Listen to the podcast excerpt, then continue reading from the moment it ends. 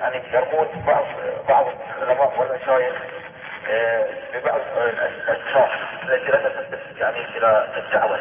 ببعض إيش؟ يتقصدون بالبحث عن زلاتهم اي كتبهم التي بلغت العالم حوالي 20 سنة. هذا لا يجوز بارك الله فيك تتبع عورات المسلمين ولا سيما العلماء محرمة فقد جاء في الحديث يا معشر من آمن بلسانه ولم يدخل الإيمان قلبه لا تؤذوا المسلمين ولا تتبعوا عوراتهم فإن من تتبع عورة أخيه تتبع الله عورته ومن تتبع الله عورته فضحه أظنه قال ولو في جحر أمه أي في بيته فلا يجوز أن تتبع العورات وتتبع العورات عورة يعني هذا الذي ذهب يتتبع عورات الناس هو الآن واقع في عورة. والواجب بارك الله فيك الواجب لمن صدر منه ما ينتقد عليه. أن يدافع الإنسان عن أخيه إذا سمع من ينتقده بهذا ويقول لعله اشتبه عليه الأمر لعله تأويلا لا سيما من عرف بالصدق والإخلاص وحب نشر العلم.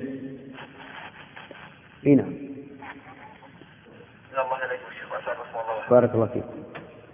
السلام, السلام عليكم. بقي عاد أعظم البينات. ما فيها رابعة بعد ها؟ أي نعم. في درس وقلت تقسيم الصديق في أدق المعايير كيف؟ وقلت تقسيم الصديق في أدق المعايير إيه؟ يعني معناه إنك عاير صديقك في ادق المعايير بمعنى أنك تلاحظ الملاحظة التامة. حتى لا يغرك مثلا بهرجته أو كلامه الظاهر. هذا المراد. لأن بعض الناس يغتر. يعطيك من طرف اللسان. إيش بعده؟ ويروغ عنك كما يروغ الثعلب. يلقاك يحلف أنه بك واثق فإذا توارى عنك فهو الأقرب. نعم. بسم الله الرحمن الرحيم. قال الشيخ بكر بن عبد الله أبو زيد في باب احذر قرين السوء. مثل فقه يا شيخ قبل؟ إيه، خذ تقسيم الصديق في أدق المعايير القسم الأول. القسم الأول صديق منفعة القسم الثاني صديق لذة القسم الثالث صديق فضيلة. فالأولان منقطعان بانقطاع موجبهما المنفعة في الأول واللذة في الثاني. وأما الثالث فالتعويل عليه وهو الذي باعث صداقته تبادل تبادل تبادل. تبادل الاعتقاد في رسوخ الفضائل لدى كل منهما. وصديق الفضيلة هذا عملة صعبة يعز الحصول عليها. ومن نفيس كلام هشام بن عبد الملك قوله ما بقي من لذات الدنيا شيء إلا أخ أرفع مؤونة التحفظ بيني وبينه. ومن لطيف ما يقيد ومن لطيف ما يقيد قول بعضهم العزلة من غير العزلة من غير عين العلم زلة ومن غير زاي الزهد علة العزلة من غير عين العلم. العزلة من غير عين العلم زلة إيه؟ ومن يعني العزلة احذف العين؟ لا تكون الزلة والثاني من غير زاي الزهد؟ علة ومن غير زاي الزهد علة يعني يحذف الزاي. تكون علة إذا لابد من علم ولابد من زهد. قبل أن قبل أن ينعزل الإنسان عن الناس. طيب الأصدقاء هؤلاء قسمهم إلى ثلاثة أقسام. صديق منفعة وهو الذي يصادقك ما دام ينتفع منك بمال أو جاه أو غير ذلك. فإذا انقطع الانتفاع فهو عدو. لا يعرفك ولا تعرفه وما أكثر هؤلاء. ما أكثر الذين يلمزون في الصدقات. إن أعطوا منها رضوا وإن لم يعطوا منها إذا هم يسخطون صديق لك حميد ترى أنه من أعز الناس عندك وأنت من أعز الناس عنده يسألك يوما من الأيام يقول أعطني كتابك أقرأ به فتقول والله الكتاب أنا محتاجه اليوم أعطيك إياه غدا فينتفق عليك ويعاديك هل هذا صديق؟ هذا صديق منفعة أكال والثاني صديق لذة. يعني لا لا يصادقك إلا لأنه يتمتع بالجلوس إليك والمحادثات والمؤانسات والمسامرات ولكنه لا ينفعك ولا تنتفع منه. لا ينفعك ولا ولا, ولا تنتفع منه أنت. كل واحد منكم لا ينفع الآخر. ليس إلا ضياع وقت. فقط. هذا أيضا احذر منه أن يضيع أوقاته. والثالث صديق فضيلة. يحملك على ما يزيد وينهاك عما يشيء ويفتح لك أبواب الخير ويدلك عليه. وإذا زللت نبهك على وجه لا يخدش كرامتك. هذا وصف هذا هو صديق الفضيلة. طيب. كلمة صديق منفعة من أوسع هذه الأقسام لأن المنافع كثيرة جدا. فإذا رأيت هذا الرجل لا يصادقك إلا حيث يرتضع منفعتك فاعلم أنه عدو وليس بصديق. كذلك صديق اللذة الذي يشغلك ويلهيك التمتع بالثمر وإضاعة الوقت في الخروج للمنتزهات وغير ذلك أيضا هذا لا خير فيه. ال- الذي يجب أن تعض عليه بالنواجذ هو صديق الفضيلة. يحملك على كل فضيلة وينهاك عن كل فضيلة. هنا. الأخ أحمد؟ نحن الآن بدأنا.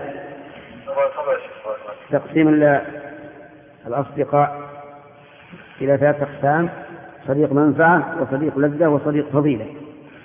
وقلنا استمسك بغرز صديق الفضيلة. نعم. الفصل الخامس آداب الطالب في حياته العلمية. الأمر الرابع والعشرون كبر الهمة في العلم من سجايا الإسلام التحلي بكبر الهمة. مركز السالب والموجب في شخصك الرقيب على جوارحك كبر الهمة يجلب, يجلب لك بإذن الله خيرا خيرا غير مجدود لترقى إلى درجات الكمال فيجري في عروقك دم الشهامة والركض في ميدان العلم والعمل فلا يراك الناس واقفا إلا على أبواب الفضائل ولا باسطا يديك إلا بمهمات الأمور. والتحلي بها يسر. وهذا من هذا من أهم ما يكون أن يكون الإنسان في طلب العلم له هدف ليس مراده مجرد قتل الوقت في هذا الطلب بل يكون له همة ومن أهم همم طالب العلم أن يريد القيادة والإمامة للمسلمين بعلمه ويشعر أن هذه درجة هو يرتقي إليها درجة درجة حتى يصل إليها. وإذا كان كذلك فسوف يرى أنه الواسطة بين الله بين الله عز وجل وبين العباد في تبليغ الشرع. هذه مرتبة ثانية. وإذا شعر بهذا الشعور فسوف يحرص غاية الحرص على اتباع ما جاء في الكتاب والسنة. معرضا عن آراء الناس إلا أنه يستأنس بها ويستعين بها على معرفة الحق. لأن ما ما تكلمه فيه العلماء رحمهم الله من العلم لا شك أنه هو الذي يفتح الأبواب لنا وإلا لما استطعنا أن نصل إلى درجة نستنبط الأحكام من النصوص أو نعرف الراجح من المرجوح وما أشبه ذلك. فالمهم أن يكون الإنسان عنده همة. وهو بإذن الله إذا نوى هذه النية فإن الله سبحانه وتعالى سيعينه على الوصول إليه. نعم. والتحلي بها يسر منك سفاسف الآمال والأعمال. ويجتث منك شجرة الذل والهوان والتملق والمداهنة فكبير الهمة ثابت الجأش لا ترهبه المواقف وصاحبها جبان الرعبيد تغلق تغلق تغلق, تغلق فمه الفهاهة. هذا صحيح. التحلي بعلو الهمة يسلب عنك سفاسف الآمال والأعمال. الآمال هي أن يتمنى الإنسان الشيء دون السعي في أسبابه. فإن المؤمن كيس فطن لا تلهيه الآمال بل ينظر الأعمال ويرتقب النتائج. وأما من تلهيه الأمال ويقول إن شاء الله أقرأ هذا أراجع هذا الآن بستريح وبعد ذلك أراجع. أو تلهيه الآمال في ما يحدث للإنسان أحيانا. يتصفح الكتاب من أجل مراجعة مسألة من المسائل ثم ينظر يمر به في الفهرس أو في الصفحات مسائل تلهيه عن المقصود الذي من أجله فتح الكتاب ليراجع. وهذا يقع كثيرا. فينتهي الوقت وهو لم يراجع المسألة التي من أجلها صار يراجع هذا الكتاب أو فهرس هذا الكتاب. فإياك والأعمال المخيبة. خل اجعل نفسك قوي العزيمة. عالي الهمة. وقد مر علينا حديث تدل على أن العناية بالمقصود قبل كل شيء. مثل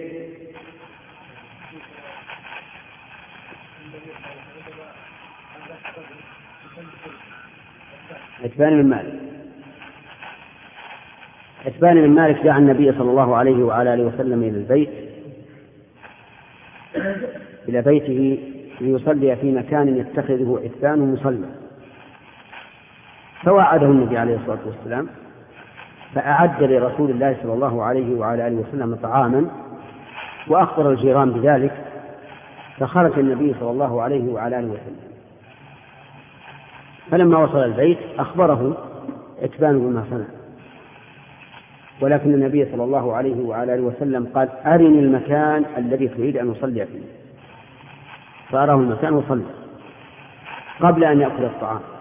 وقبل أن يجلس إلى القوم لأنه جاء لغرض فلا تشتغل عن الغرض الذي أنت تريد بأشياء لا تريدها من الأصل لأن هذا يضيع عليك الوقت وهو من علو الهمة. نعم. ولا تغلط فتخلط بين كبر الهمة والكبر فإن بينهما من الفرق. كما بين السماء ذات الرجع والأرض, والأرض ذات الصدع. كبر الهمة حلية ورثة الأنبياء والكبر داء المرضى بعلة الجبابرة البؤساء. نعم. آه، كبر الهمة أن الإنسان يحفظ وقته ويعرف كيف يتصرف ولا يضيع الوقت بغير فائدة. وإذا جاءه إنسان يرى أن مجالسته فيها إهمال وإلهاء عرف كيف يتصرف وأما وأما كبر النفس فهو الذي يحتقر غيره. ولا يرى الناس إلا ضفادع ولا يهتم. وربما يصعر وجهه وهو يخاطبه. فكما قال الشيخ بكر بينهما كما بين السماء ذات الرجل والأرض ذات الصف. فيا طالب العلم ارسم لنفسك كبر الهمة ولا تنفلت منه وقد أومأ الشرع إليها. في فقهيات تلابس حياتك لتكون دائما على يقظة من اغتنامها ومنها إباحة التيمم للمكلف عند فقد الماء وعدم إلزامه بقبول هبة ثمن الماء للوضوء. لما في ذلك من المنة التي لا تنال من الهمة التي من ال... لما في ذلك. من المنة التي لا تنال التي تنال. تنال من الهمة منالا التي تنال ضم تنال. التي تنال من الهمة منالا. وعلى هذا فقط والله أعلم. يعني من من علو من علو الهمة أن لا تكون متشوفا لما في أيدي الناس لأنك إذا تشوفت ومن الناس عليك ملكوك لأن المنة ملك للرقبة في الواقع. لو أعطاك الإنسان قرشا لوجد أنه أن يده أعلى من يدك كما جاء في الحديث اليد العليا خير من اليد السفلى. واليد العليا هي المعطية والسفلى هي الآخرة. لا تبسط يدك إلى الناس ولا تمد كفك إليه. إذا كان الإنسان عادم الماء لو وهب له الماء لم يلزمه قبوله بل يعزل إلى التيمم خوفا من المنة مع أن الوضوء بالماء فرض للقادر عليه. ولهذا فرق الفقهاء رحمهم الله بين أن تجد من يبيعه ومن يهديه. فقالوا من يبيعه؟ اشتر منه وجوبا لأنه لا منة له حيث إنك تعطيه العوض. ومن أهدى عليك لا يلزمك قبوله. من أجل إيش؟ من أجل أن منته تقطع رقبته. ولكن إذا كان الذي أهدى إليك الماء لا يمن عليك به.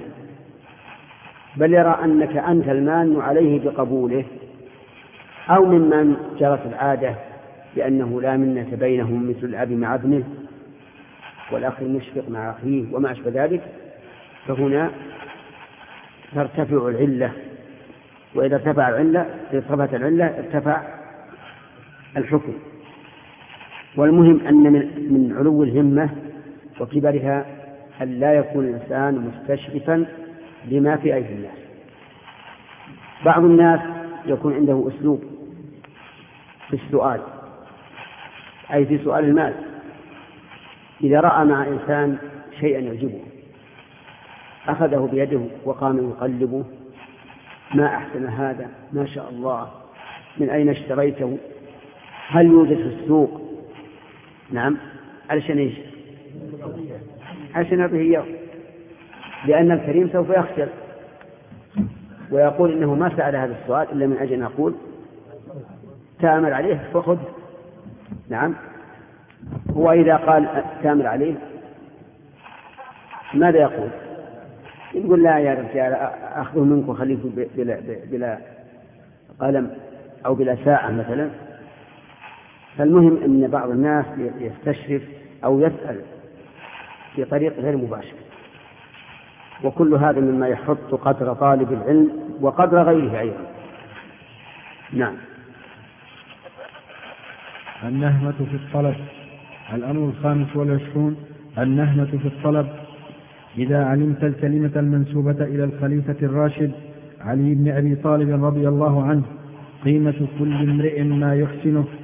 وقد قيل ليس كلمة أح ليس كلمة أحض على طلب العلم منها.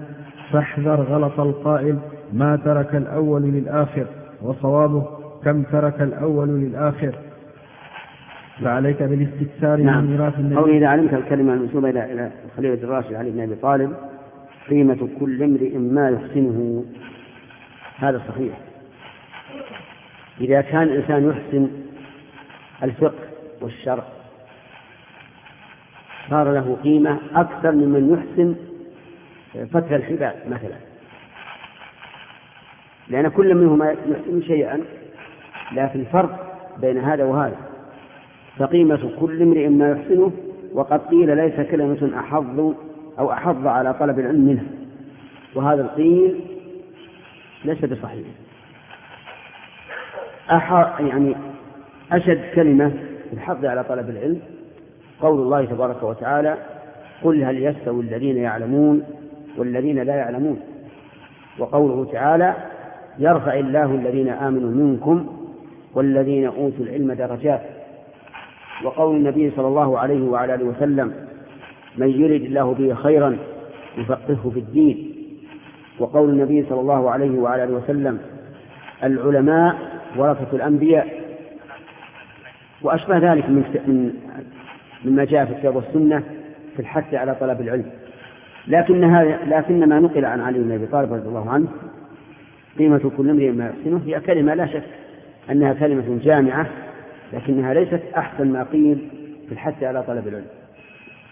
وقوله احذر غلط القائل ما ترك الأول للآخر وصوابه كم ترك الأول للآخر؟ ما الفرق بين العبارتين؟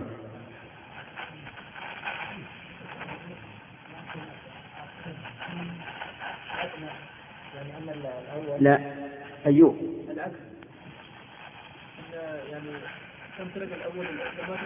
ما ترك الأول الآخر خطأ.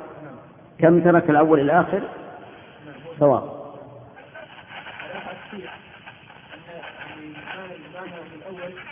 أتى على كل والحديث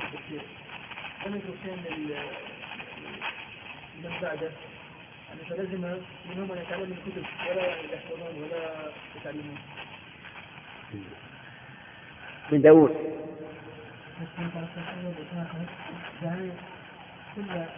كل العلم الذي يمكن أن يتعلمه مفروض عن السابقين فليس يحصل عليه المتأخرين. من التعقيد أو الغير والثانية؟ وكم ترك الأول؟ للآخر يعني أن هناك خمس يأتي من المتأخرين ما يفوت المتقدمين. في العلم على العكس هو الصواب ابن داود. نعم.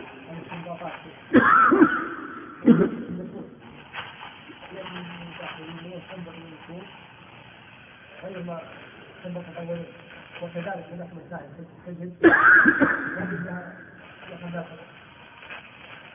طيب ثلاثة. معنى العبارة الأولى ما ترك الأول الآخر. إما أن تكون ما نافية أو استفهامية. أقول إما هذا أو هذا. فإن, فإن كانت نافية فالمعنى ما ترك الأول للآخر شيئا. وإن كانت استفهامية فالمعنى أي شيء تركه الأول للآخر. وكلا المعنيين يوجب أن يتثبط الإنسان عن العلم. ويقول كل العلم أخذ من قبله. فلا فائدة. فيكون في ذلك تثبيط لهمته. لأنه إذا قيل لك إن من قبلك أخذوا كل شيء ستقول إذن ما الفائدة؟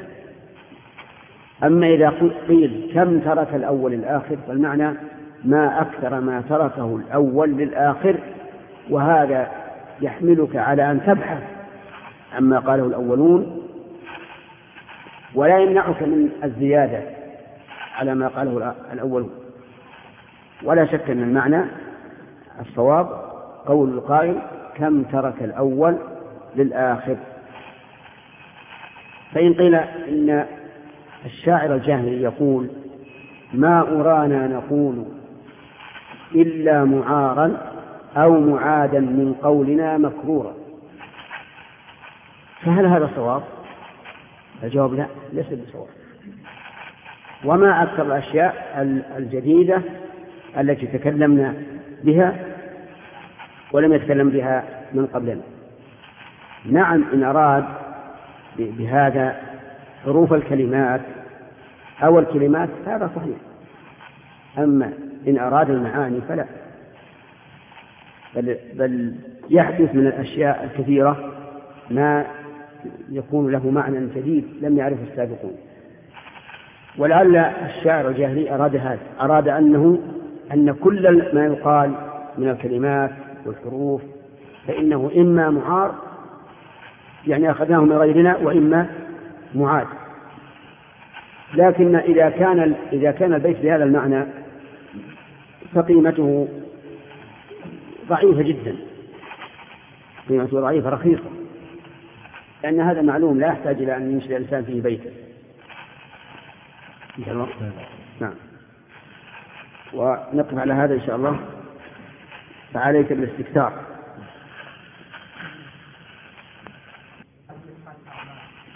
إيه؟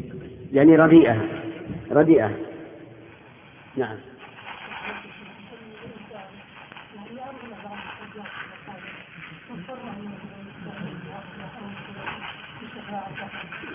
نعم.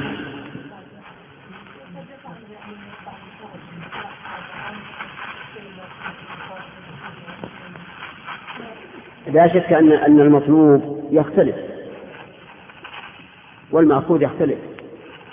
من الناس من إذا قلت يا فلان أعني أو أقرضني تكون أنت اللي من عليه.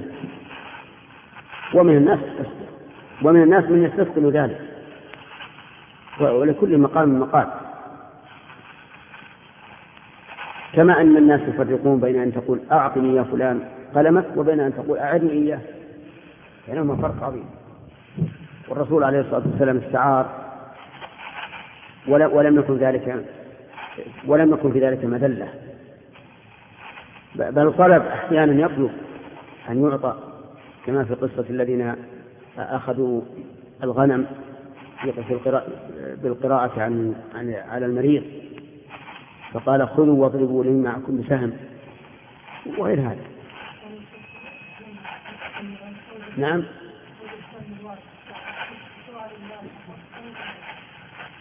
لا سؤال العلم ما في مدلة. أقول سؤال العلم أن تقول أو بغيره يدخل في قولك بغيره سؤال العلم. هذا ما في مدلة. اللي في الذل هو سؤال المال. نعم.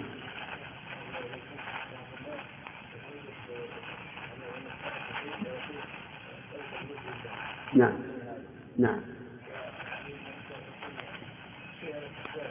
أقول لا يجوز للإنسان أن يقول لشخص أسألك بوجه الله.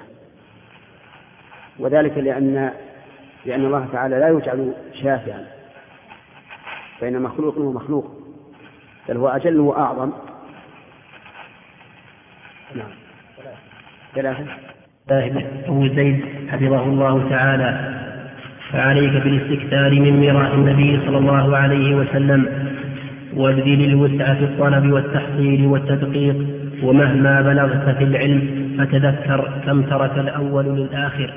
وفي ترجمة أحمد بن عبد الجليل من تاريخ بغداد. نعم عليك بالاستكثار يعني يحثك على الاستكثار من ميراث النبي صلى الله عليه وعلى آله وسلم. وذلك العلم. لأن الأنبياء عليهم الصلاة والسلام لم يورثوا درهما ولا دينار وإنما ورثوا العلم فمن أخذه فقد أخذ بحظ وافر من ميراث الأنبياء عليهم الصلاة والسلام. ثم اعلم أن ميراث النبي صلى الله عليه وعلى آله وسلم إما أن يكون بالقرآن الكريم أو بالسنة النبوية فإن كان بالقرآن الكريم فقد فقد كفيت إسناده والنظر فيه لأن القرآن لا يحتاج إلى نظر في السند لأنه متواتر. متواتر أعظم التواتر. وأما إذا كان في السنة النبوية فلا بد من أن تنظر أولا هل صحت نسبته إلى الرسول صلى الله عليه وعلى آله وسلم أم لم تصح. فإن كنت تستطيع أن تمحص ذلك بنفسك فهذا هو الأولى. وإلا فقلل. إذا لم تستطع شيئا فدعه وحاوله إلى ما, ما وجاوزه إلى ما تستطيع. نعم. وفي ترجمة وفي تر... وفي ترجمة أحمد وهي قول ابن الوسع في الطلب والتصحيح والتدقيق. آه بذل الوسع يعني الطاقة بذل الطاقة في التدقيق أمر مهم. لأن بعض الناس يأخذ بظواهر النصوص وبعموماتها دون أن يدقق هل هذا الظاهر مراد أو غير مراد وهل هذا العام مخصص أو غير مخصص وهل هذا المطلق مقيد أو غير مقيد فتجده يضرب السنة بعضها ببعض لأنه ليس عنده علم في هذا الأمر. لا يدقق وهذا يغلب على كثير من الشباب اليوم الذين يعتنون بالسنة. تجد الواحد منهم الواحد منهم يتسرع. تجد الواحد منهم يتسرع في الحكم المستفاد من الحديث أو في الحكم على الحديث. وهذا خطر خطر عظيم. نعم. وفي ترجمة أحمد بن عبد الجليل من تاريخ بغداد للخطيب طيب، يقول مهما بلغت في العلم فتذكر كم ترك الأول والآخر هذا طيب. لكن نقول إن أحسن من ذلك مهما بلغت في العلم فتذكر قول الله عز وجل وفوق كل ذي علم عليم. لأن هذا من القرآن. وأوضح في الدلالة من القول الأول كم ترك الأول للآخر. كلما بلغت العلم فتذكر وفوق كل ذي علم عليم وتذكر الآية الأخرى وما أوتيتم من العلم إلا قليلا. وفي ترجمة أحمد بن عبد الجليل من تاريخ بغداد للخطيب ذكر من قصيدة الله. لا يكون السري مثل الدني لا ولا ذو الذكاء مثل مثل الغبي. قيمة المرء كلما أحسن المرء قضاء من الإمام علي. هذا سبق الكلام هذا. لكن لا يكون الثري يعني الشريف عالي الهمة مثل الدني. ونفي المماثلة ظاهر. لا ولا للذكاء مثل الغبي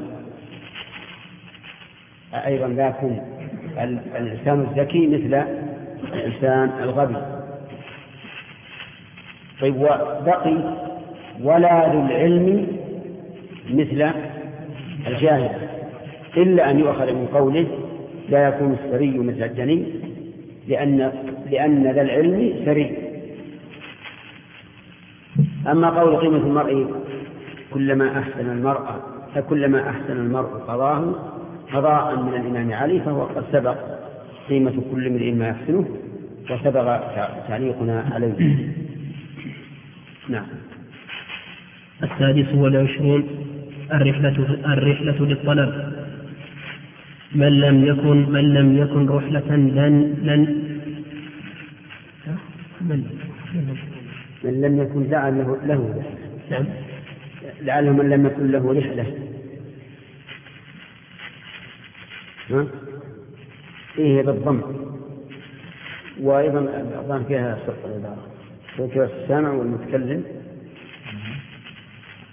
يرجع إلى الأصل. نعم. نعم. فمن لم يرحل في طلب العلم للبحث عن الشيوخ والسياحة في الأخذ عنهم فيبعد تأهله ليرحل إليه لأن هؤلاء العلماء الذين مضى وقت في تعلمهم وتعليمهم والتلقي عنهم لديهم من التحريرات والضبط والنكات العلمية والتجارب ما يعيش والتجارب والتجارب ما نعم. الراء مكسورة نعم. والتجارب والتجربة غلط. ما هي لغة عربية مع أن هي الشائعة عند الناس الآن حتى عند طلبة العلم. يقول تجارب وتجربة مع أن الصواب بكسر الراء قال الشاعر قد جربوه فما زادت تجاربهم أبا قدامة إلا المجد والفناء.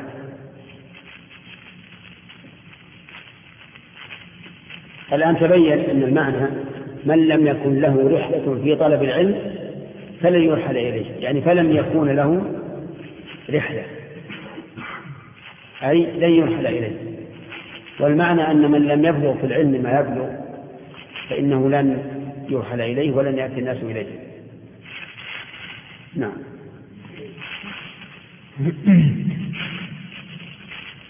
ما يعز ما يعز الوقوف؟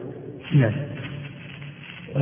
لديهم من التحريرات والضبط والنكات العلمية والتجارب ما يعز الوقوف عليه أو على نظائره في بطون الأسفار. واحذر القعود. أسفار جمع. يعني آه، الكتب. نعم. واحذر القعود عن هذا على مسالك المتصوف المتصوفة على مسلك المتصوفة على مسلك المتصوفة المتصوفة المتصوفة البطانين الذين يفضلون علم الخرق على علم على علم الورق. وقد قيل لبعضهم ألا ترحل حتى تسمع من عبد الرزاق؟ فقال ما يص ما يص فقال ما يصنع ما يصنع بالسماع من عبد الرزاق من يسمع من الخلاق. الصوفية يدعون أن الله يخاطبهم. ويوحي إليهم. وأنه يزورون وأنهم يزورونه ويزورهم. نسأل الله العافية. هذا من خرافاتهم وقال آخر إذا خاطبوني بعلم الورق برزت عليهم بعلم الخرق. فاحذر هؤلاء فإن بالنسبة للورق. نعم. لا لا الخرق ما يلبسون اللباس. نعم. فاحذر هؤلاء فإنهم فإنهم لا للإسلام نصروا ولا للكفر كسروا بل فيهم من كان بأسا وبلاء على الإسلام. صحيح. هذه العبارة فإنهم لا للإسلام نصروا ولا للكفر كسروا مأخوذة من كلام شيخ الإسلام رحمه الله في المتكلمين. قال هؤلاء لا للإسلام نصروا ولا للفلاسفة كسروا يعني أنهم يعني أهل الكلام ما نصروا الإسلام الذي جاء به محمد صلى الله عليه وعلى آله وسلم ولا كسروا الفلاسفة الذين هاجوا وماجوا على الإسلام كله. ويدلك لذلك أن هؤلاء المتكلمين حرفوا النصوص عن ظاهرها وأولوها إلى معان أو أوجدوها بما يزعمون أنه عقل. فتسلط عليهم الفلاسفة وقال أنتم إذا أولتم آيات الصفات وأحاديث الصفات مع ظهورها ووضوحها تسمحوا لنا أن نؤول آيات المعاد يعني آيات اليوم الآخر. فإن ذكر أسماء الله وصفاته في الكتب الإلهية أكثر بكثير من ذكر المعاد وما يتعلق به. فإذا أبحتم لأنفسكم أن تؤولوا في أسماء الله وصفاته الواردة في الكتاب والسنة فاسمحوا لنا أن نؤول في آيات المعاد وننكر المعاد رأسا ولا شك أن هذه حجة قوية للفلاسفة على هؤلاء المتكلمين. إذ لا فرق. بل يقول شيخ الإسلام ما جاءت به الرسل من أسماء الله وصفاته أكثر بكثير مما جاءت به الرسل من أمر من أمر اليوم الآخر. فإن جاز التأويل في الأسماء والصفات جاز التأويل في إيش؟ في المعاد وإنكار المعاد كفر. وإن لم يجوز إنكار المعاد فإنه لا يجوز إنكار الصفات. نعم. السابع والعشرون. المهم أن الشيخ وفقه الله يعني هاجم الصوفي وهم جديرون بالمهاجمة لأن بعضهم يصل إلى حد الكفر والإلحاد والعياذ بالله. حتى يعتقد أنه هو الرب. كما يقول بعضهم ما في الجبة إلا الله. يعني نفسه. ويقول أن آه الرب عبد والعبد رب يا ليت شعري من المكلف. يقول الرب عبد والعبد رب لأنهما شيء واحد. يا ليت شعري يعني ليتني أشعر من المكلف. إلى إلى أمثال ذلك من الخرافات التي يقولونها لكن ينبغي أيضا أن أن نهاجم ونركز على مهاجمة أهل الكلام. الذين سلبوا الله عز وجل من كماله بكلامهم. أنكروا الصفات. فمنهم من أنكر الصفات رأسا كالمعتزلة وأثبت الأسماء لكن جعلها أسماء جامدة لا تدل على معنى. وغالى بعضهم فقال إنها أسماء واحدة وأن السميع هو البصير وأن السميع والبصير هو العزيز وهما شيء واحد. وبعضهم قال هي أسماء متعددة لكنها لا تدل على معنى مسلوبة المعنى.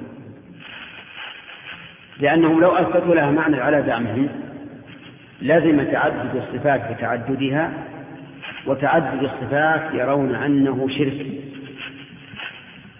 لأنهم يقولون إن إنه يلزم تعدد الصفات القديمة كالعلم والسمع والبصر فيلزم من ذلك تعدد القدماء وهذا أشد شركا من من النصارى. النصارى ثلثوا وأنتم ضربتم بالمئة والآلاف. فالحاصل أنه أيضا ينبغي أن يهاجم أهل الكلام الذين عطلوا الله عز وجل مما يجب له من صفات الكمال بعقول واهية بل دامعة بكله نعم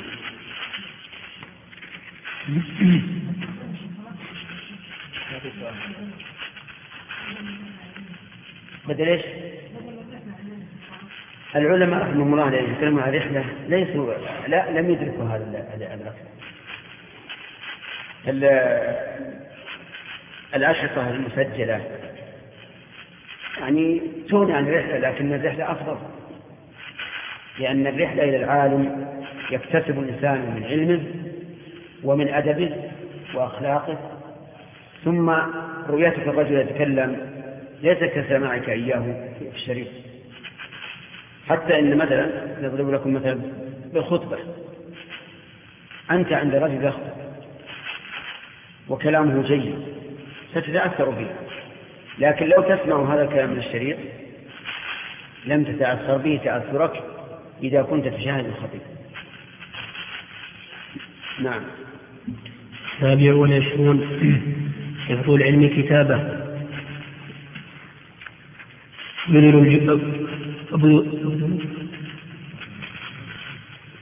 أبذل الجهد في حفظ العلم حفظ كتاب لأن تقييد العلم. أبذل في همزة همزة هذه وصل لكن عند الابتداء بها تكون خمس قطع نعم.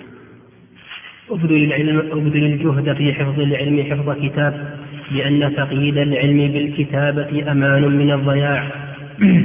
وقصر لمسافات البحث عند الاحتياج.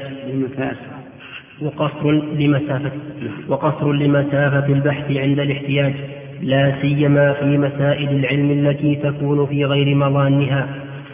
ومن أجل فوائده أنه عند كبر السن وضعف القوى يكون لديك مادة تستجر منها مادة تكتب فيها بلا عناء في البحث والتقصي.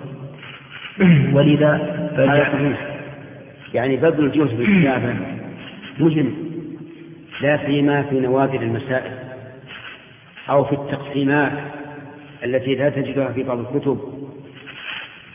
كم من مسألة نادرة مهمة تمر بالإنسان فلا يقيدها اعتمادا على أنه يقول إن شاء الله ما أنساها.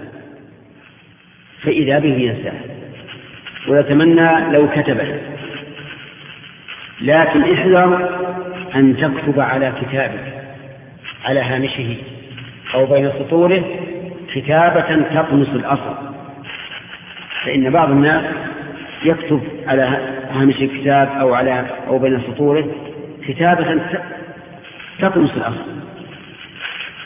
بل يجب إذا أردت أن تكتب على كتابك أن تجعله على الهامش البعيد من الأصل. لئلا يلتبس هذا بهذا. فإن لم يتيسر هذا بأن كان ما تريد تعليقه أكثر من الهامش. فلا غير عليك أن تجعل ورقة بيضاء تلصقها بين الورقات وتشير إلى موضعها من الأصل وتكتب ما شئت. وكان طلبة الشيخ عبد الرحمن بن سعدي رحمه الله يحدثوننا أنهم يأخذون مذكرات صغيرة يجعلونها في الجيب. كلما ذكر الإنسان منهم مسألة قيدها. إما فائدة تعنت في خاطره أو مسألة يسأل عن الشيخ فيقيدها. فاستفادوا بذلك كثيرا. نعم. ولذا فاجعل لك كناشا أو مذكرة لتقييد الفوائد والفرائض كناشا الكناش بضم الكاف وتخفيف النون وشين المعجمة على وزن غراب. لفظ غراب. كناش على وزن غراب لفظ سرياني بمعنى المجموعة والتذكرة وانظر التراتيب الإدارية نعم. في الآن يقولون كناش ما عمل سمعنا. سمعتموها؟ مذكرة. مذكرة موجود مفكرة يعني بالفاء أظن موجودة. لا كراس لا. لا وش أو الكراس يمكن. ما يوجد؟ موجود. هنا كراس هنا طيب. لتقييد؟ لتقييد. نعم.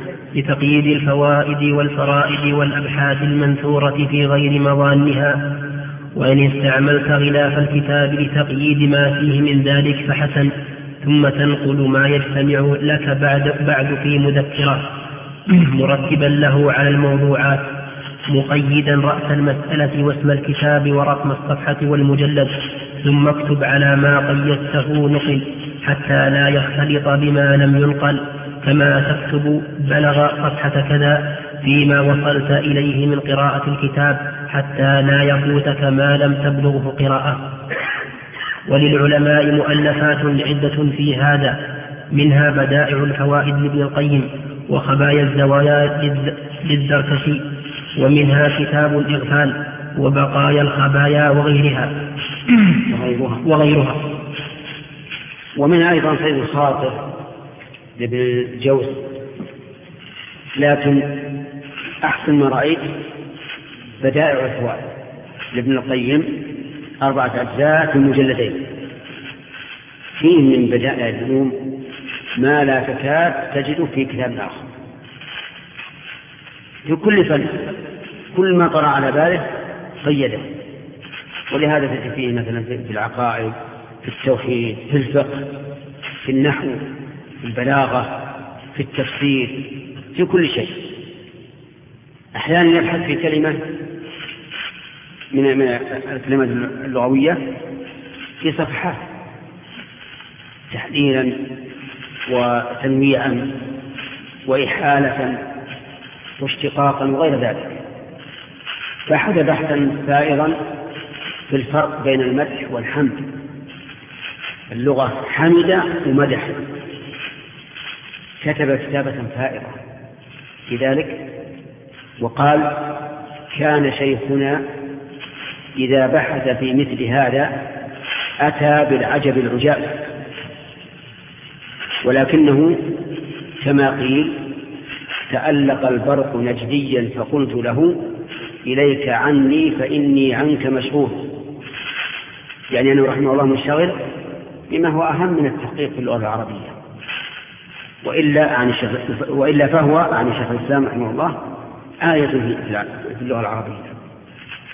لما قدم مصر واجتمع بأبي حيان المصري الشهير صاحب البحر المحيط التفسير وكان أبو حيان يثني على شيخ الإسلام ثناء عاطرا ويمدحه بقصائد عصامية من جملة ما يقول فيه قام ابن تيمية في نصر شيعتنا مقام سيد تيم إذ عصت مضر يعني أبا بكر رضي الله عنه في يوم الردة فلما قدم مصر شيخ الإسلام اجتمع بهذا الرجل أبي حيان وتناظر معه في مسألة نحوية واحتج عليه أبو حيان بقول سيبويه في الكتاب.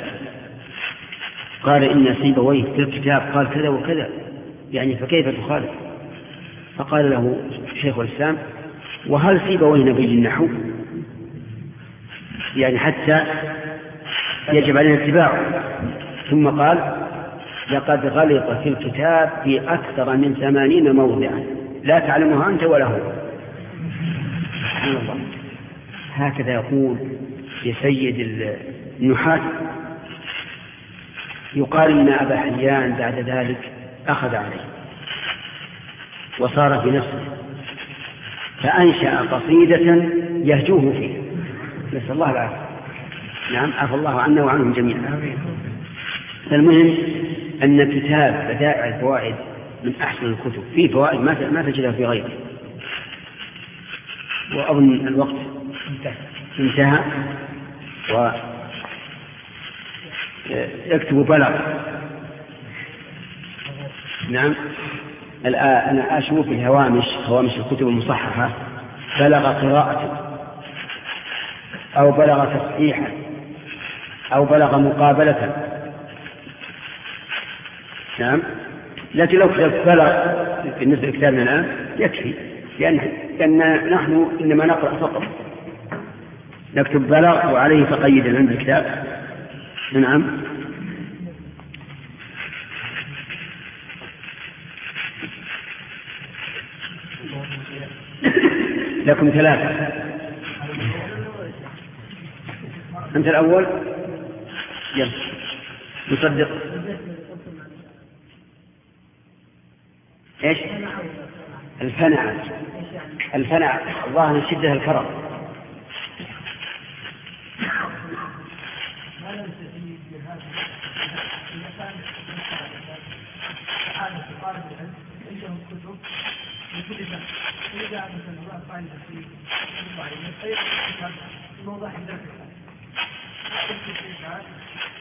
هذا أيسر. هو من ممكن تقول مثلا ذكر في الكتاب الفلاني صفحة كذا مجلد كذا فائدة عظيمة في, موضوع كذا أو كذا ممكن.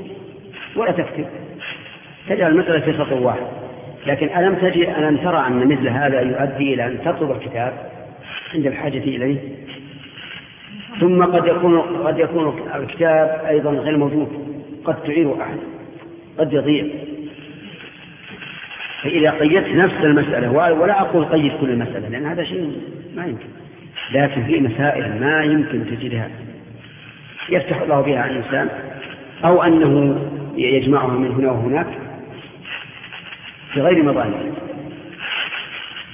نعم.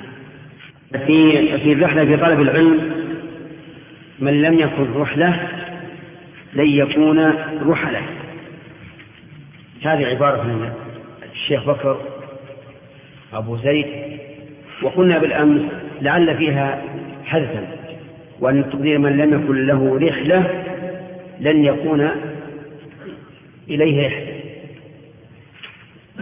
لكن بعد البحث الذي قدمه الأخ عبد الله عبيد الله تبين أن صواب العبارة من لم يكن رحلة يعني إيش؟ كثير رحلات كثير رحلات لن يكون له رحلة أو رحلة التي هي المصدر. يعني من لم يكن رحلة يكثر الرحلات لم يأتي أحد لأنه لا علم عنده والعلم بالتعلم ولو بالرحيل إليه. فيحتاج إلى تصحيح النسخة. فنقول رحلة الأول.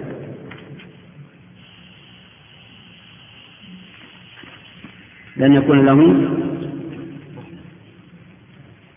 رحلة أو رحلة بكسر نعم.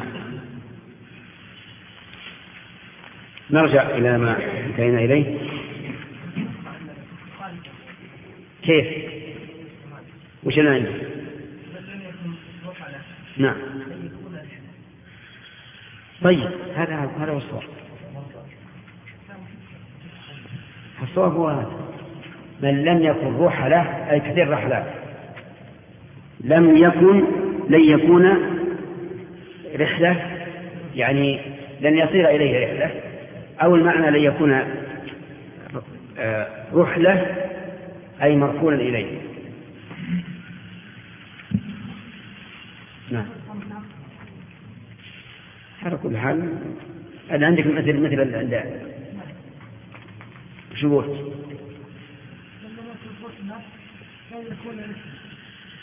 من لم يكن رحلة نعم في القرآن الكريم ويل لكل همزة لمزة أي كثير الهمز واللم. يروح على لا شك لكن رحلة يجوز الكسر والضم. نعم. بسم الله الرحمن الرحيم والحمد لله رب العالمين صلى الله وسلم على عبده ورسوله نبينا محمد وعلى آله وصحبه أجمعين. قال الشيخ بكر بن عبد الله أبو زيد وعليه فقيد العلم بالكتاب لا سيما بدائع الفوائد في غير مظانها وخبايا الزوايا في غير مساقها ودررا منثورة تراها وتسمعها تخشى فواتها وهكذا فإن وهكذا فإن الحفظ يضعف والنس فإن الحفظ يضعف والنسيان يعرف. قال الشعبي إذا سمعت لا سيما بدائع الأصلح في هذا أن تكون مرفوعة بعد لا سيما. يجوز النصب ولكن الأحسن الرفع. ومعنى الكلام أنه يحث على كتابة هذه الأشياء. بدائع الفوائد التي تعرض الإنسان حتى لا ينساها. وكذلك أيضا ولا سيما أيضا إذا كانت في غير مظان لأنك أحيانا تبحث عن مسألة تظنها مثلا في في باب الصيد وهي مذكورة في مكان آخر. فإذا ذكرت في مكان آخر فقيدها. وكذلك أيضا خبايا الزوايا في غير مساقها هي هذه بمعنى الجملة الأولى. يعني معناه آه، ما اختبى في الزاوية في غير سياقه فاكتب.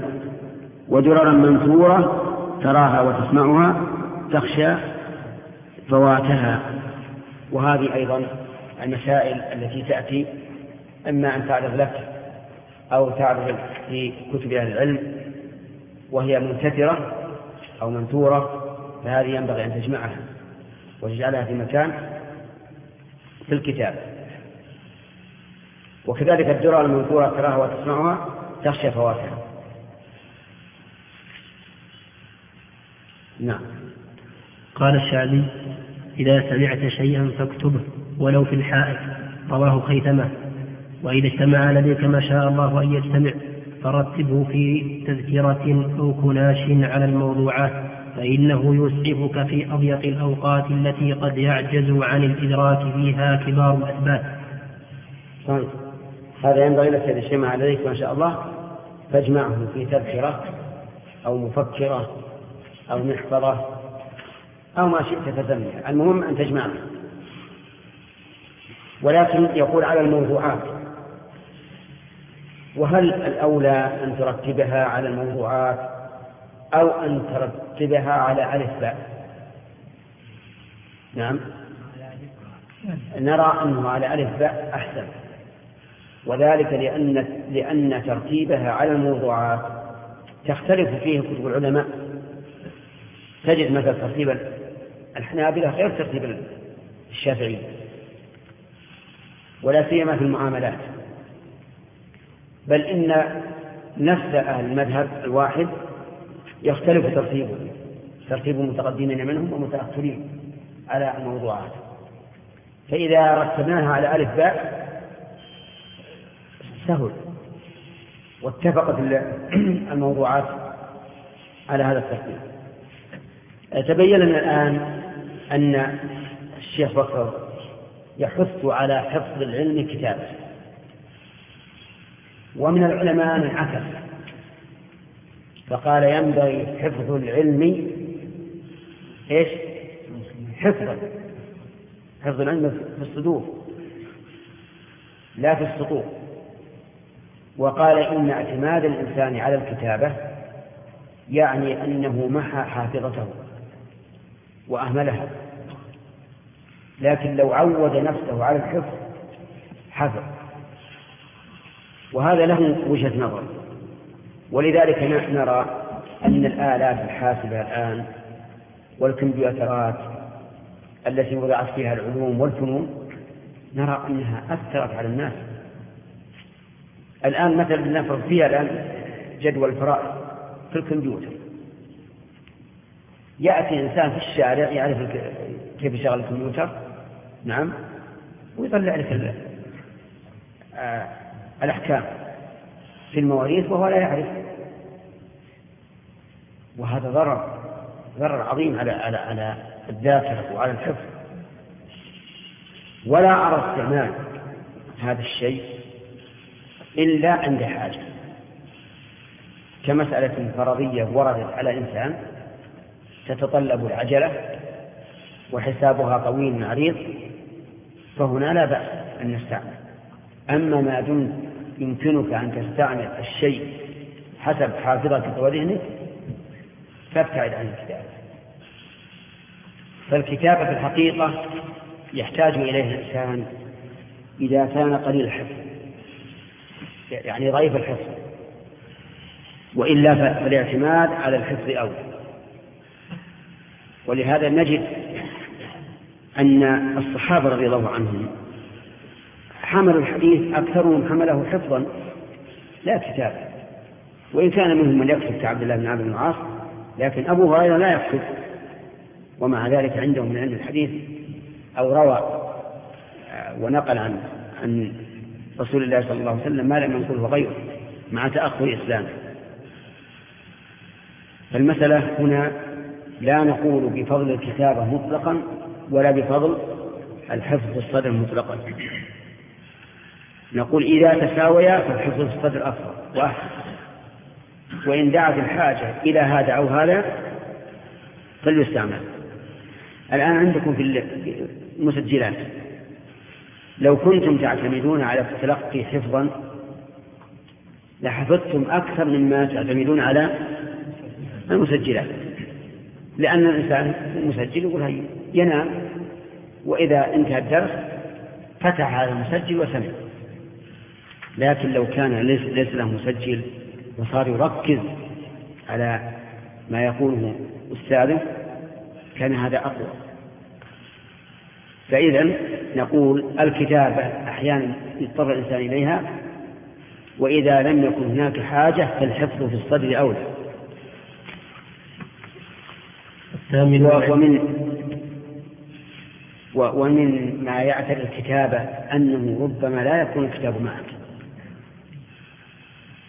فتبقى كأنك عامي وإذا اعتمدت على حفظ الصدر فأظن الأخ جابر يمكن لا يكون صدره معه صح؟ أقول إذا اعتمدت على الكتابة ربما لا يكون الكتاب معك. تسافر وكتاب في البيت. وإذا كنت تعتمد على حفظ الصدر ربما يكون ربما لا يكون صدرك معك؟ غلط؟ اي نعم. صدرك معك هذه من آفات الكتاب. نعم. الثامن والعشرون حفظ الرعاية. بذل الوسع في حفظ العلم حفظ رعاية للعمل والاتباع. قال خطيب البغدادي رحمه الله تعالى يجب على طالب الحديث أن يخلص نيته في طلبه ويكون قصده وجه الله سبحانه وليحذر أن يجعله سبيلا إلى إلى نيل الأغراض. وطريقا إلى أخذ الأعواض فقد جاء عندي أنا إلى الأعراف. الأعراف. نعم بالراء بالعين. أعواض بالغين؟ لا الأعواض الثانية بالأعواض الأعواض لا خلي الثانية الأولى الأعراض بالعين. ولا بالغين؟ بالعين. إيه أنت قرأتها؟ نعم. بالغين وليحذر أي وليحذر أن يجعله سبيلا إلى نيل الأعراض وطريقا إلى أخذ إلى أخذ الأعواض فقد جاء الوعيد لمن ابتغى ذلك بعلمه. وليتقي نعم. نعم جاء الوعيد في ذلك بأن من طلب علما وهو مما يبتغى به وجه الله لم يجد عرف الجنة أي ريح. وقد وما ذكره الخطيب البغدادي رحمه الله حق أن يخلص الإنسان النية في طلب العلم بأن ينوي امتثال أمر الله تعالى والوصول إلى ثواب طلب العلم وحماية الشريعة والذب عنها ورفع الجهل عن نفسه ورفع الجهل عن غيره. كل هذه تدل على الإخلاص. وأن لا يكون قصده نيل الأعراض جمع عرض يعني نيل شيء من عرض الدنيا كالجاه والرئاسة والمرتبة أو طريقا إلى أخذ الأعواض كالراتب. لا لا لا يريد هذا. فإذا قال قائل كل الذين يطلبون العلم في الكليات الآن إنما يقصدون الشهادة. ولذلك نرى بعضهم يحاول الوصول إلى هذه الشهادة ولو بالباطل كالشهادات المزيفة والغش وما أشبه ذلك. فيقال يمكن للإنسان أن يريد الشهادة في الكلية مع إخلاص النية وذلك بأن يريد بها الوصول إلى منفعة الخلق لأن من لم يحمل الشهادة لا يتمكن من أن يكون مدرسا أو مديرا أو ما أشبه ذلك مما يتوقف على نيل هذه الشهادة. فإذا قال أنا أريد أن أنال الشهادة لأتمكن من التدريس في الكلية مثلا. ولولا هذه الشهادة إيش؟ ما درست. أريد الشهادة لأكون داعيا. لأننا في عصر لا يمكن أن يقوم الإنسان داعيا الله إلا بشهادة وبطاقة وإلا عرض نفسه. أريد أن أن أكون مديرا على مصلحة على جماعة من الناس وهذا لا ينال إلا بالشهادة. فإذا كان هذا فإذا كانت هذه نية الإنسان فهي نية حسنة لا تضر إن شاء الله. هذا في العلم الشرعي. أو ما يسانده. وأما العلم الدنيوي فانو به ما شئت مما أحل الله. لو تعلم الإنسان هندسة وقال أنا أريد أن أكون مهندسا ليكون الراتب لتكون وظيفتي عشرة آلاف ريال مثلا. فهل هذا حرام عليه؟ لماذا؟ إن هذا عمل دنيوي كالتاجر. يتاجر لأجل أن أن يحصل على ربح كذلك أيضا لو تعلم الإنسان علم الميكانيكا علم المكائن وإصلاحها وقصد بذلك أن يحصل على مال فهل هذا حرام؟ لا لا هذا ليس حرام لأنه ليس مما يبتغى بوجه الله والنبي عليه الصلاة والسلام إنما قال من طلب علما وهو مما يبتغى بوجه الله لم يجد عرف الجنة. نعم. هذا قول الخطيب. الخطيب فقد جاء الوعيد لمن ابتغى ذلك بعلمه. أي أي العلوم؟ الشرعي أو ما يساعده كعلم العربية. نعم. وليتقي المفاخرة والمباهاة به. وأن يكون قصده في طلب الحديث نيل الرئاسة واتخاذ الأتباع وعقد المجالس فإن الآفة الداخلة على العلماء أكثرهم من هذا الوجه. أكثرها. أكثرها من هذا الوجه. صحيح. وقد جاء الوعيد في من طلب العلم ليجاري به العلماء أو يماري به السفهاء. فأنت لا تقصد بعلمك المفاخرة والمباهاة وأن يكون قصدك أن تصرف وجوه الناس إليك وما أشبه ذلك. هذه نيات سيئة وهي ستحصل لك مع النية الصالحة. إذا نويت نية صالحة صرت إماما صرت رئيسا اتجه الناس إليك أخذوا بقولك. نعم. وليجعل حفظه للحديث حفظ رعاية لا حفظ رواية. فإن رواة العلوم كثير ورعاة ورعاتها قليل ورب حاضر كالغائب وعالم كالجاهل وحامل للحديث ليس معه منه شيء إذ كان في اطراحه لحكمه بمنزلة الذاهب عنه معرفة معرفته وعلمه. بمنزلة. بمنزلة الذاهب عن معرفته وعلمه. نعم. هذا أيضا يجب أن يعتني به. حافظ الحديث رعاية. ومعنى رعاية أن يفقه الحديث ويعمل به ويبينه للناس.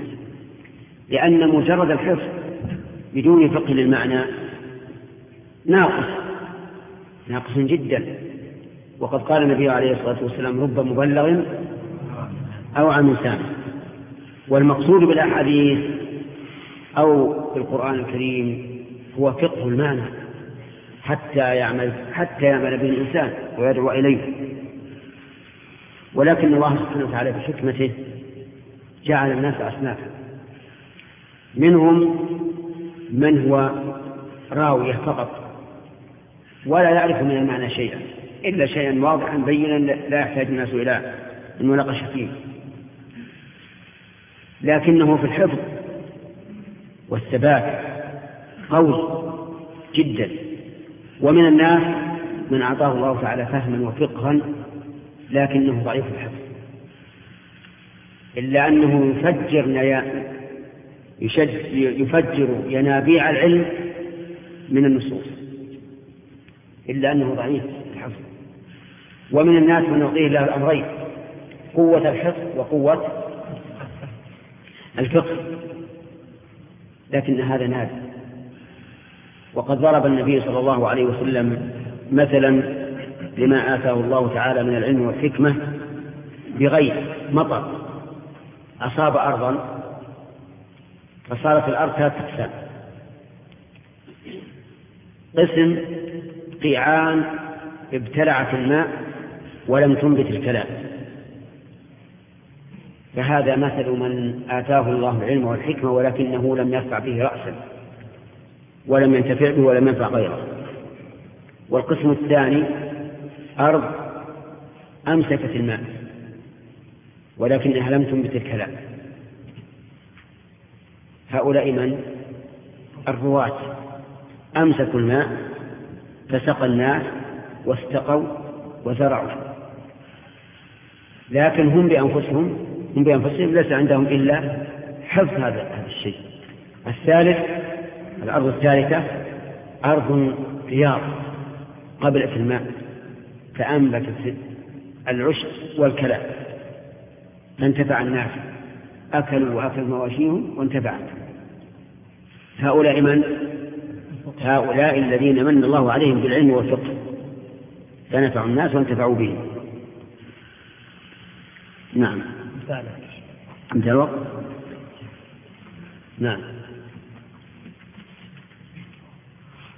بقي لا شيء؟ نعم رشاد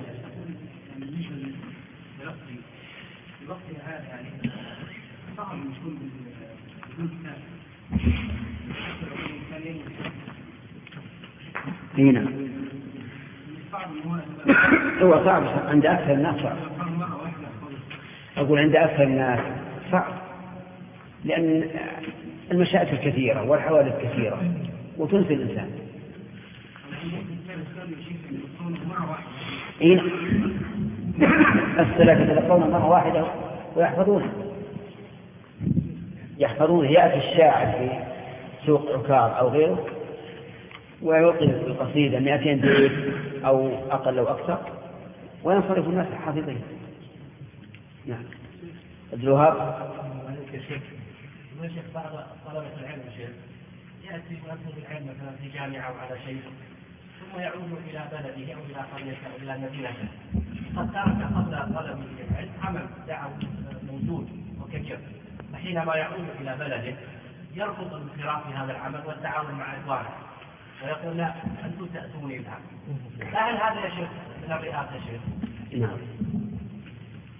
أقول إذا من الله سبحانه وتعالى على الإنسان بالعلم ثم رجع إلى وطنه الذي أقام فيه آه، طائفة للدعوة إلى الله عز وجل فينبغي أن ينضم إليهم وهم سوف يجعلونه سيدا عليه لأن عنده علما. ولا ينبغي أن يبتعد يقول أنا أنا أيت ولم أنت. قد لا يأتون. قد يرون إن أنه لما حصل من العلم ما حصل استكبر. نعم. شرف هل هل؟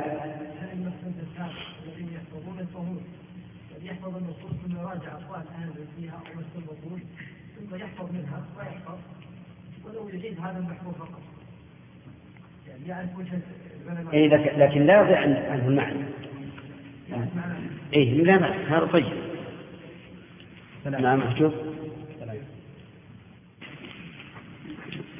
هم أهل السماع هذول. الله المستعان. السلام عليكم يا أخ أحمد. عليكم السلام ورحمة الله وبركاته شيخ. الله يحييك. الآن إن شاء الله نبدأ الدراسة يا شيخ. تفضل شيخ. بسم الله الرحمن الرحيم. قال الشيخ بكر بن عبد الله أبو زيد وينبغي لطالب الحديث أن يتميز في عامة أموره عن طرائق العوام باستعمال آثار رسول الله صلى الله عليه وسلم ما أمكنه وتوظيف السنن على نفسه فإن الله تعالى يقول لقد كان لكم في رسول الله أسوة حسنة. نعم. قوله ينبغي لطالب العلم كلمة ينبغي أحيانا يراد بها أحيانا يراد بها الوجوب. لكن الشائع في استعمالها أنها للندب. ينبغي لطالب الحديث يعني للعالم بالحديث أن يتميز في عامة أموره عن طرائق العوام في استعمال آثار رسول الله صلى الله عليه وعلى آله وسلم ما أمكن. وهذا في الأمور التعبدية ظاهر. في الأمور التعبدية ظاهر أنه ينبغي للإنسان أن يتميز باستعمال آثار الرسول عليه الصلاة والسلام. في الأمور في الأمور في الأمور الاتفاقية التي وقعت اتفاقا من غير قصد. هل يشرع أن يتبعها الإنسان أو لا؟ كان ابن عمر رضي الله عنه وعن أبيه يتتبع ذلك. حتى أنه يتحرى المكان الذي نزل فيه الرسول صلى الله عليه وسلم وبال فيه فينزل ويبول وإن لم يكن محتاجا للبول. كل هذا من شدة تحريه لاتباع الرسول عليه الصلاة والسلام. لكن هذا الأصل خالفه أكثر الصحابة فيه. ورأوا أن ما وقع اتفاقا فليس بمشروع أن يتبعه الإنسان. ولهذا لو قال قائل أيسن لنا الآن أن لا نقدم مكة في الحج إلا في اليوم الرابع؟ لأن الرسول صلى الله عليه وسلم قدم في اليوم الرابع. نعم. ينبني على هذا. هذا وقع اتفاقا أنه قدم في اليوم الرابع من الحجة. فالصحيح أنه لا يشرع. طيب وما وقع عادة؟ ما وقع عادة؟ فهل يشرع لنا أن نتبعه فيه؟ مثلا العمامة والرداء والإزار نقول نعم يشرع أن نتبعه فيه ولكن ما معنى الاتباع؟ هل معناه اتباعه في عين ما لبس أو أو اتباعه في جنس ما لبس الثاني لا شك. يعني لأن الرسول صلى الله عليه وسلم لبس ذلك في ذلك الوقت لأن الناس يلبسونه اعتادوا هذا. وعليه فنقول السنة لبس ما يعتاده الناس ما لم يكن محرما. فإن كان محرما وجب اجتنابه. طيب ما وقع على سبيل التشهي فهل نتبعه فيه؟ يعني كان عليه الصلاة والسلام يحب الحلوى يحب العسل يتتبع الدب في الأكل. هل نتبعه في ذلك؟ قال أنس رضي الله عنه كان النبي صلى الله عليه وعلى آله وسلم يتتبع الدب يعني في الطعام دب القرع فما زلت أتتبعها منذ رأيت النبي صلى الله عليه وعلى آله وسلم يتتبعها وعلى هذا فهل نقول من المشروع أن تتبع الدب لأن النبي صلى الله عليه وسلم كان يتبعها أو لا؟ الظاهر أن هذا قد يكون الاتباع فيه أحرى من الاتباع فيما سبقه وهو ما وقع اتفاقا.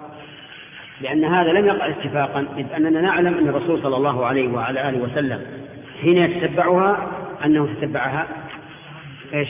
قصدا لا اتفاقا ولا شك أن الإنسان إذا تتبع الدباء من على من على ظهر القصعة وهو يشعر أنه يفعل كما فعل الرسول عليه الصلاة والسلام.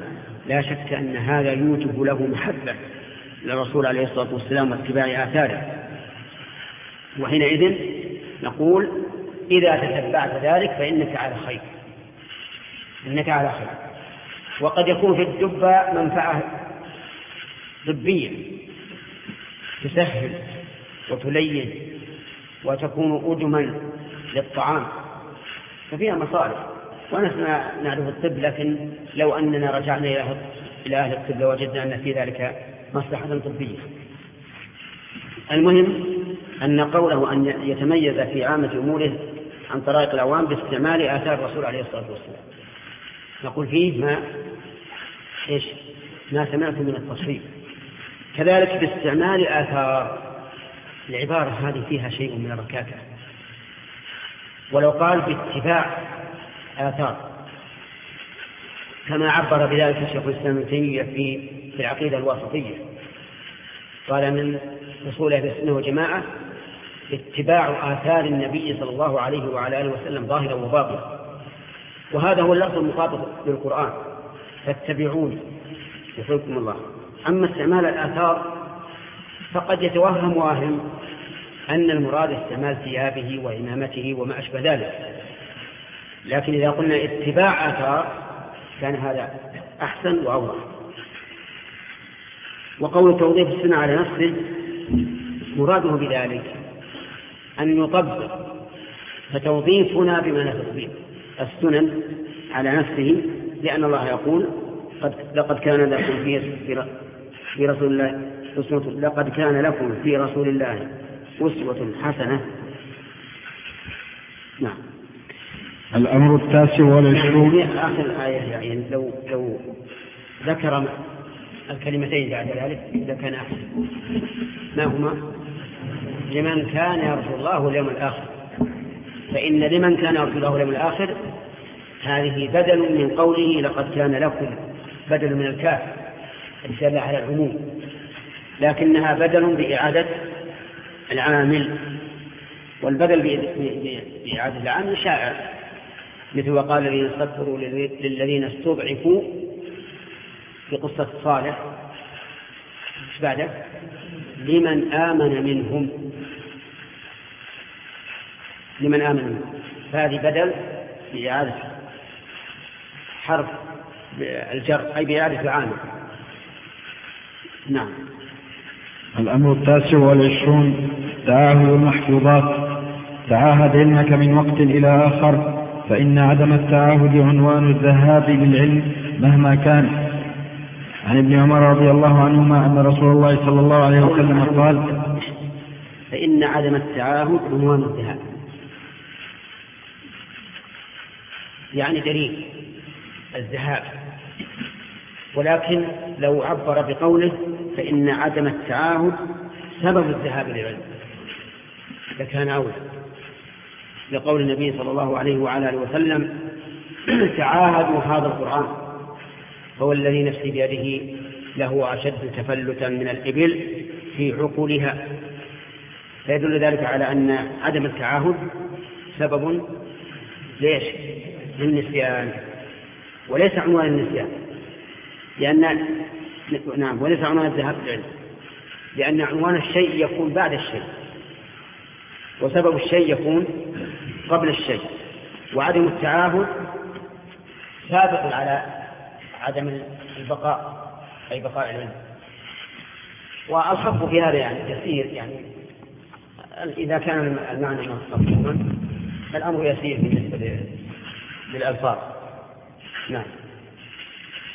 عن ابن عمر رضي الله عنهما أن رسول الله صلى الله عليه وسلم قال إنما مثل صاحب القرآن كمثل صاحب الإبل المعقلة إن عاهد عليها أمسكها وإن أطلقها ذهبت. رواه الشيخان ومالك في الموطأ. المعقلة عندكم؟ ولا المعقلة ها؟ معقلة. إيش؟ وإن طلقها ذهب على كل حال أنا لا أدري هل يجوز أعقلها. أما عقلها فهي معقولة واضح. وعقلها يرجع إلى إلى لفظ الحديث. من لنا به؟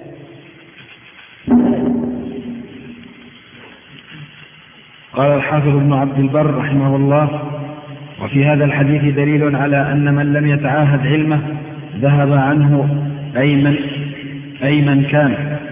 لأن علمهم كان ذلك لأن علمهم كان ذلك الوقت. القرآن لا غير. وإذا كان القرآن الميسر للذكر لأن علمهم كان ذلك الوقت. القرآن لا غير.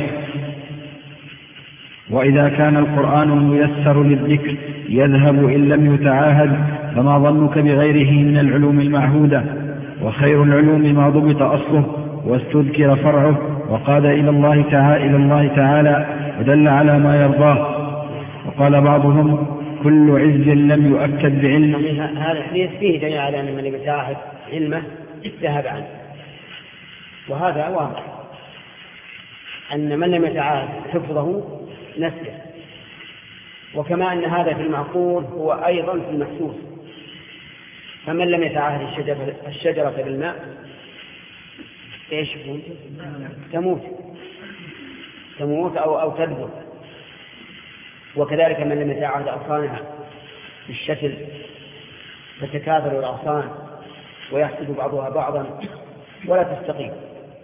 فكذلك العلوم خير العلوم ما ضبط أصله واستذكر فرعه يعني كأنه يحث على القواعد والأصول.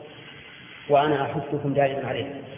عليكم بالقواعد والأصول لأن المسائل الجزئية المتفرعة تلاقط كلاقط الجرائد من أرض صحراء.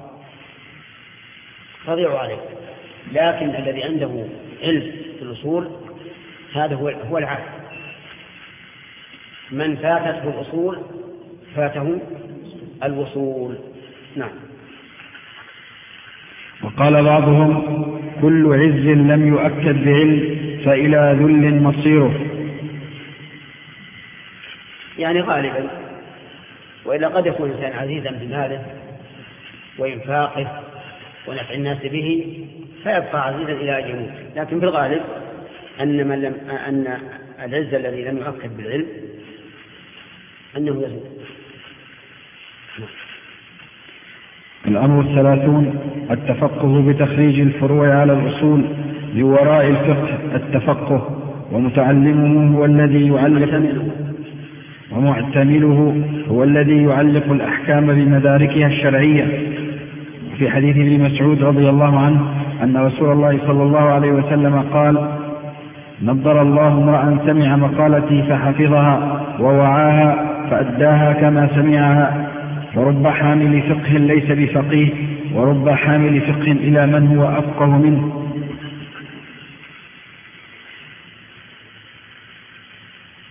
التفقه يعني طلب الفقه والفقه ليس العلم بل هو إدراك أسرار الشريعة.